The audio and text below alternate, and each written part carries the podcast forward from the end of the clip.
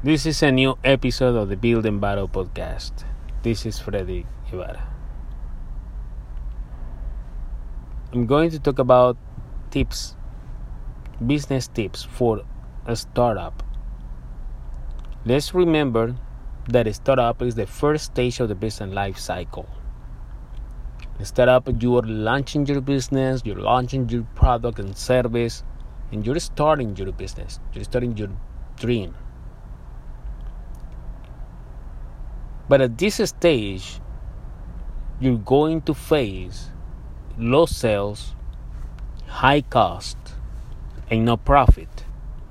So, what are the tips, or what are my tips for you at this stage? If we know that you will have low sales, you have to be very specific with your marketing efforts you have to be very specific with your target market. The more specific you are with your target market, the better for you.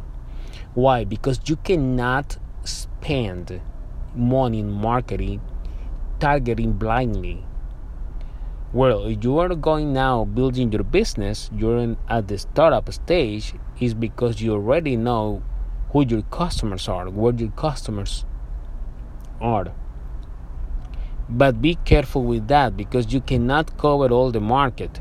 You have to be very, very specific. Remember that 20% of your customers, of customers, generate 80% of sales or 80% of profit. You have to be very specific with your marketing strategy, with your marketing tactics, with your tools, with your marketing tools.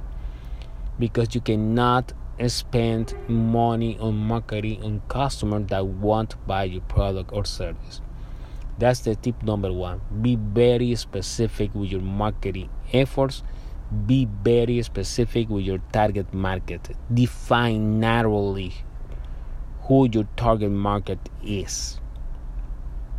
The more specific, the better. Tip number two we know the costs are high.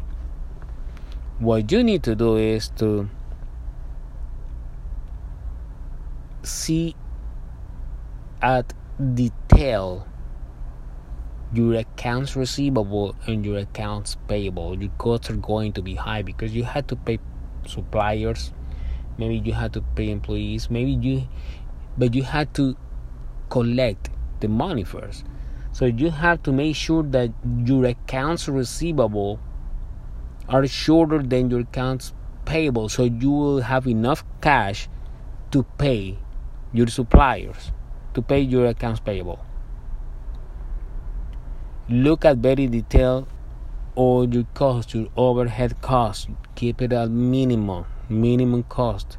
You have to take a look at your finances.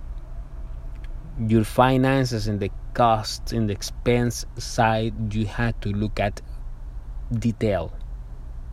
But more importantly, remember, you have to make sure you have enough cash coming into your business at the startup stage to cover your accounts payable. So your accounts receivable very important to look at.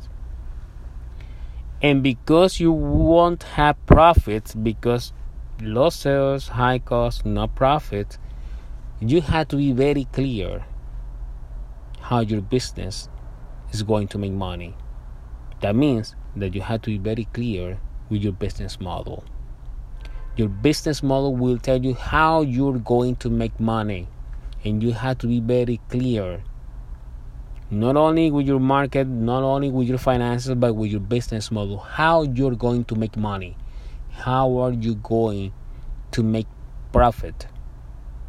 So, this is the tips that you have to take into consideration at this stage. This is the beginning of your business, this is the beginning of your journey.